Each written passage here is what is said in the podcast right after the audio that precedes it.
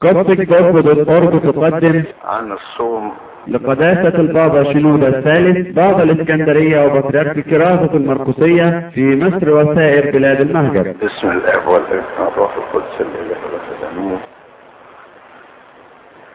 أحب أن أكلمكم في هذه الليلة المباركة عن الصوم بمناسبه صوم الأربعين المقدسة الذي نصومه الآن. وتاريخ الصوم يرجع إلى تاريخ البشرية من أول أبينا آدم. لأن ربنا منعه عن أكل معين من الجنة.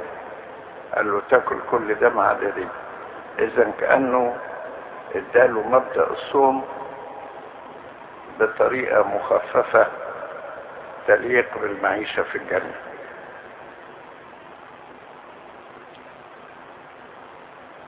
وثانيا كما قلت لكم من قبل الثلاثة اللي وقفوا على جبل التجلي ربنا يسوع المسيح وموسى النبي وإيليا النبي كل واحد منهم صام أربعين يوما. وحدث التجلي فالصوم له قيمته. وأهميته. والإنسان أول ما خلقه الله خلقه نباتيا. إحنا بنصوم صوم نباتي في كنيستنا. خلقه نباتيا.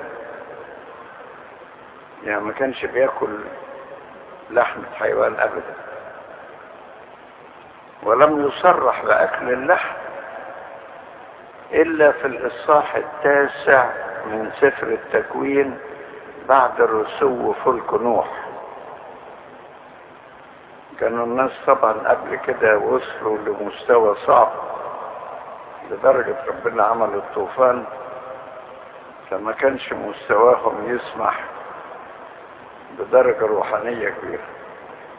فقال لهم في تكوين اصحاح تسعة كل دابة تكون لكم طعاما ولكن لحما بدمه لا تأكلوه.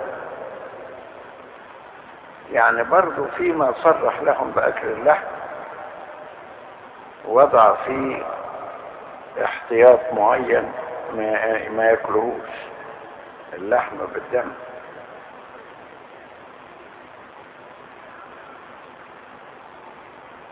وحتى الآباء الرسل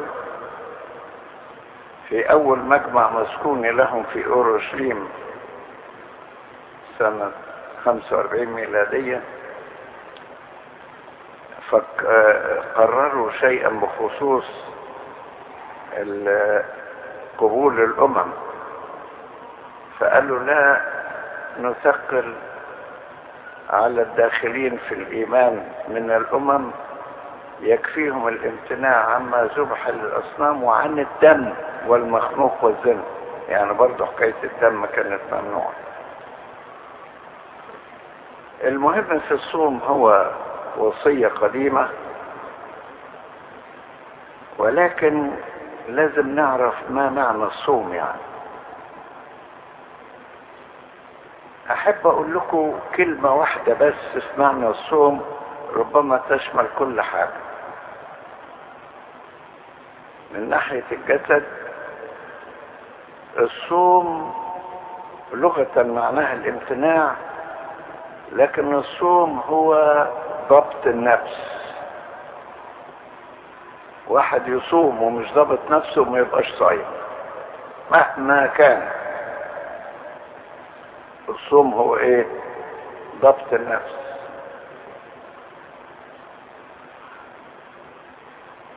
والصوم أيضا ليس مجرد صوم الجسد إنما صوم النفس أيضا. كما يصوم الجسد يصوم الفكر. يصوم القلب يصوم اللسان تصوم الحواس. يصوم الفكر عن كل شيء رديء. ويصوم اللسان عن كل كلمة خاطئة ليست للبنيان.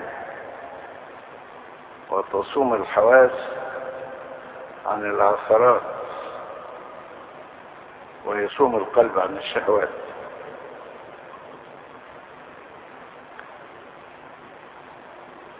والقديسين قالوا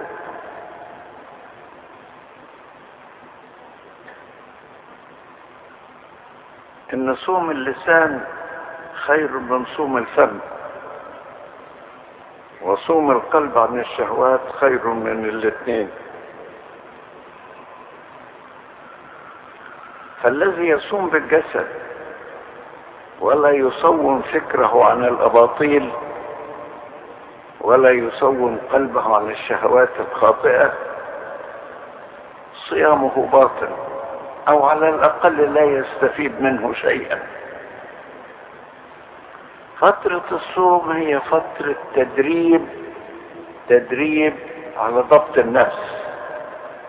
تضبط فكرك تضبط لسانك تضبط قلبك تضبط حواسك.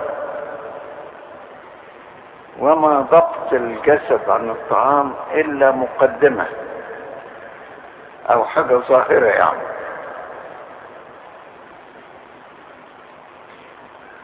ونلاحظ في سفر أشعياء النبي اصحاح 58 عبارات عجيبة أوي قالها ربنا في معنى الصوم.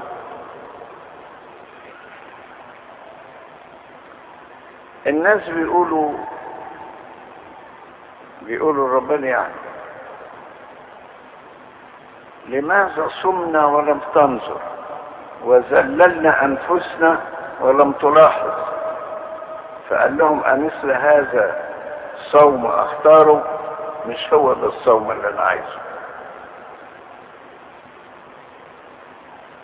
وبدأ يحدثهم عن صوم النفس عن الأخطاء. وعن نواحي البر التي يعملها الإنسان في صومه وكيف يكسر للجائع خبزه وكيف يقبل المسكين إليه يعني مجرد الطعام بس ما ينفعش. هو خطأ كثير من الناس إنهم يركزوا على الأكل والصوم بس. كما لو كان الصوم شيء جزداني لا. ما نقدرش نقول ابدا إن الصوم فضيلة جزدانية. إنما الصوم فضيلة روحية. فضيلة روحية يبقى مش مجرد التركيز على الأكل وعلى الامتناع عن الأكل. ومتى نأكل وإيه فترة الانقطاع وماذا نأكل. كل دي ليست هي الهدف. دي وسيلة. وسيلة ولكن ليست الهدف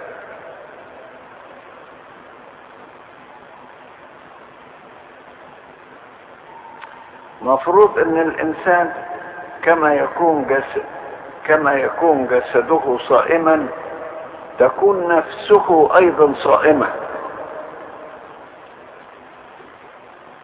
ده في درجة أكتر من نفس صائمة وهي نفس زاهدة لأن الإنسان ما يستطيعش يكون زاهد على طول إلا يبقى اترهبن أو توحد وإنما على الأقل زاهدة إلى حين.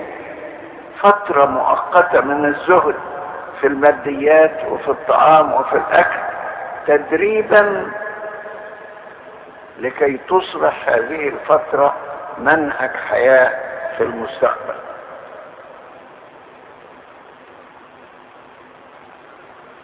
وهنا نسأل السؤال الهام جدا.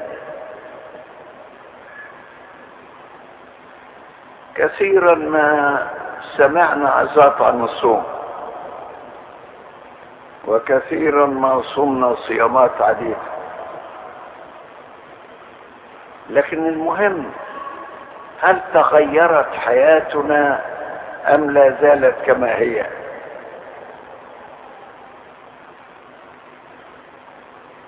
في ناس بيصوموا وما بيتغيروش. نفس الطبع نفس الأخطاء. ما حصلش عنده أي إصلاح في شخصيته. يبقى استفاد إيه من الصيام؟ إذا النتيجة اللي نخرج بيها إننا لكي نصوم ينبغي أن ندخل في تداريب روحية تجعلنا نستفيد روحيا من الصوم. ندخل في تداريب روحية تجعلنا نستفيد روحيا من الصوم. والتدريب دي على أنواع كثيرة. في تدريب في الصلاة مثلا. من ناحية طول الصلاة ومن ناحية عمق الصلاة وروحانية الصلاة. ومن ناحية نوعية الصلاة أيضا. هل صلاتك كلها طلبات ولا أيضا أنت تمرن نفسك على الشكر حتى لو لم تطلب طلبا؟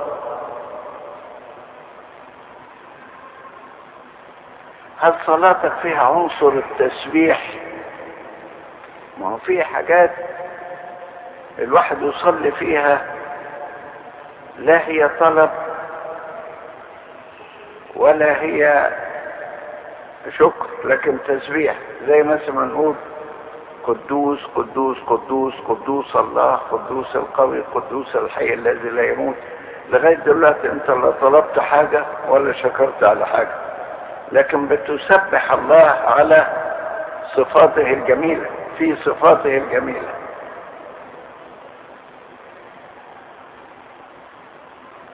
يعني داود لما يقول محبوب هو اسمك يا رب فهو طول النهار تلاوتي لا هنا تكلم عن طلب ولا حاجة. لكن بيتلذذ بذكر ربنا.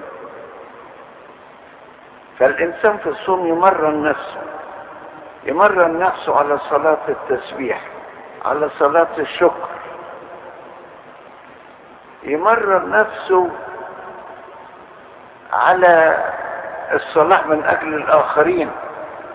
ما تبقاش مركز حوالين نفسك فقط. تصلي من أجل غيرك وتصلي من أجل الكنيسة عموما. وتصلي من أجل المجتمع ومن أجل البلد اللي أنت عايش فيه. ساعات ناس ما فيش غير أنا يا رب عايز أنا عايز. بس أنت عايز. طب ما غيرك أيضا محتاجين ومفروض إنك أنت تصلي.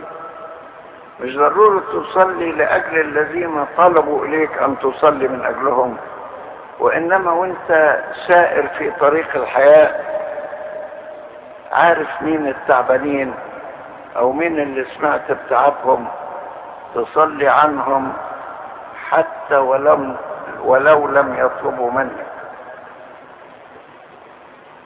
من أجمل الحاجات اللي عندنا في الكنيسة صلاة تحليل نصف الليل للأب الكاهن. تقرأ تلاقي ما فيش حاجة إلا وطلبها. من أجل الكل كل كل. مرر نفسك على كده. على صلاة الشكر على صلاة التسبيح على صلاة الصلاة لأجل الآخرين على الصلاة لأجل الكنيسة لأجل المجتمع. مرن نفسك أيضا على عمق الصلاة. الصلاة بخشوع الصلاة بإيمان الصلاة بعاطفة. الصلاة بفهم.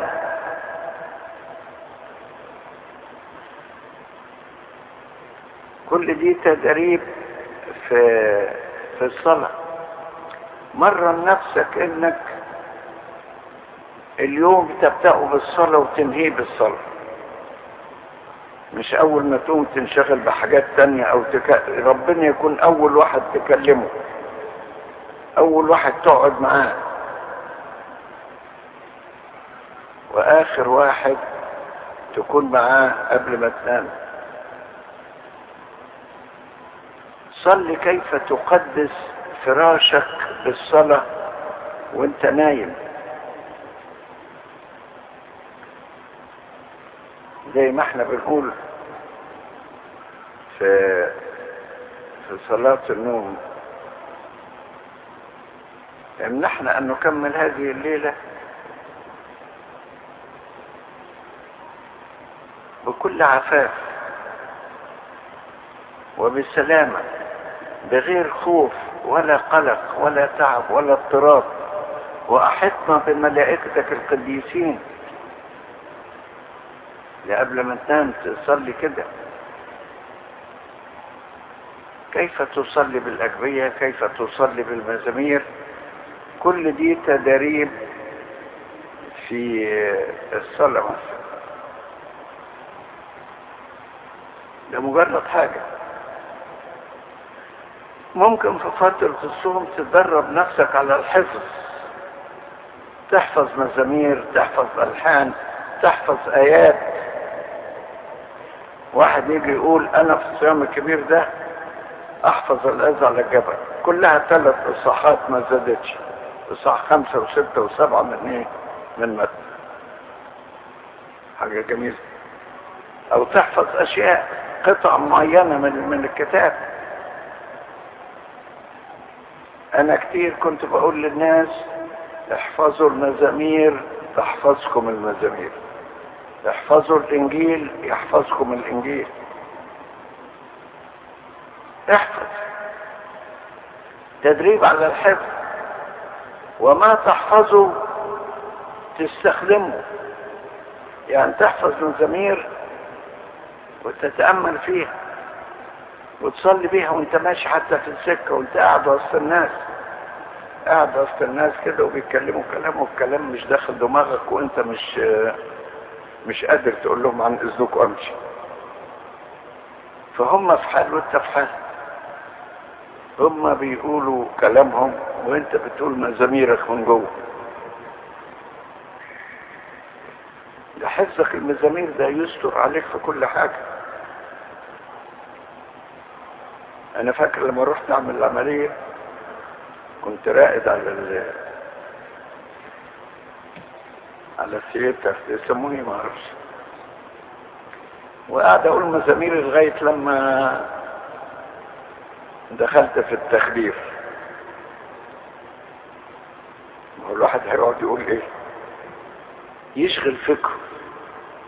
لما تشغل نفسك بالمزامير لو يجي الشيطان يجيب لك فكر خاطئ يلاقيك مشغول يخبط على بابك يلاقيه مقفول يحاول يخش جوه عقلك يلاقي عقلك مش فضيله لكن لو عقلك فضيله يقول لك طيب أنا أجي أونسك وأفكر معاك وأقترح عليك وأقدم لك أفكار. اشغل نفسك. احفظ المزامير وصلي بيها وانشغل بيها واحفظ الألحان وصلي بيها وانشغل بيها والتسبيح واحفظ آيات الإنجيل واستخدمها. على رأي القديس ماري الأغريس يقول كل خطية تجيلك حط قصادها وصية تجيلك الخطية ترد عليها بوصية تجيلك خطية غضب تحاربك تقول آه الكتاب بيقول إن غضب الإنسان لا يصنع بر الله. لا تستصحب غضوبا ومع صاحب سخط لا تجيه تبص لقيت ابتديت تتعدل توزن معاك. إلى آخر الموضوع ده موضوع طويل. أيضا ما تحفظه خذه مجالا للتأمل. ممكن يكون عندك برنامج للقراءة أكتر وبرنامج للتأمل. درب نفسك في الصوم على العطاء. على العطاء. إنك تدي ده مرة واحد من القديسين قال إذا لم يكن عندك ما تقدمه لهؤلاء صم وقدم لهم طعامك. ده فايدة. وإحنا دايما نقول في صلوات القداس بالصوم والصلاة بالصوم والصلاة. وإيه تاني؟ الصوم والصلاة والصدقة التلاتة دول. صاد صاد صاد. الصوم والصلاة وإيه والصدقة؟ بس أنا أميل لكلمة العطاء أحسن من كلمة الصدقة. ابتدي اعطي. درب نفسك على العطاء. درب نفسك إنك تسدد ديونك اللي ليك على الله. ديونك من البكور ديونك من النزور ديونك من العشور. جرب اتمرن على الوصية بتاعت من سألك فأعطيه ومن طلب منك فلا ترد. اتمرن على العطاء. أهم حاجة أيضا في الصوم تدريب التوبة. التوبة يعني إيه التوبة؟ يعني على الأقل مرة نفسك إنك تمتنع عن الخطايا المحبوبة. عن الخطايا المتكررة في كل اعتراف عن السقطات الدائمة تمرن نفسك عليها تمرن نفسك عن البعد عن الشهوة عموما. واحد قال لما تاكل لحمة من غير شهوة أحسن ما تأكل عدس بشهوة. بس هو تمروا على كده وتقول هنروح النهاردة ناكل لحمة. لا.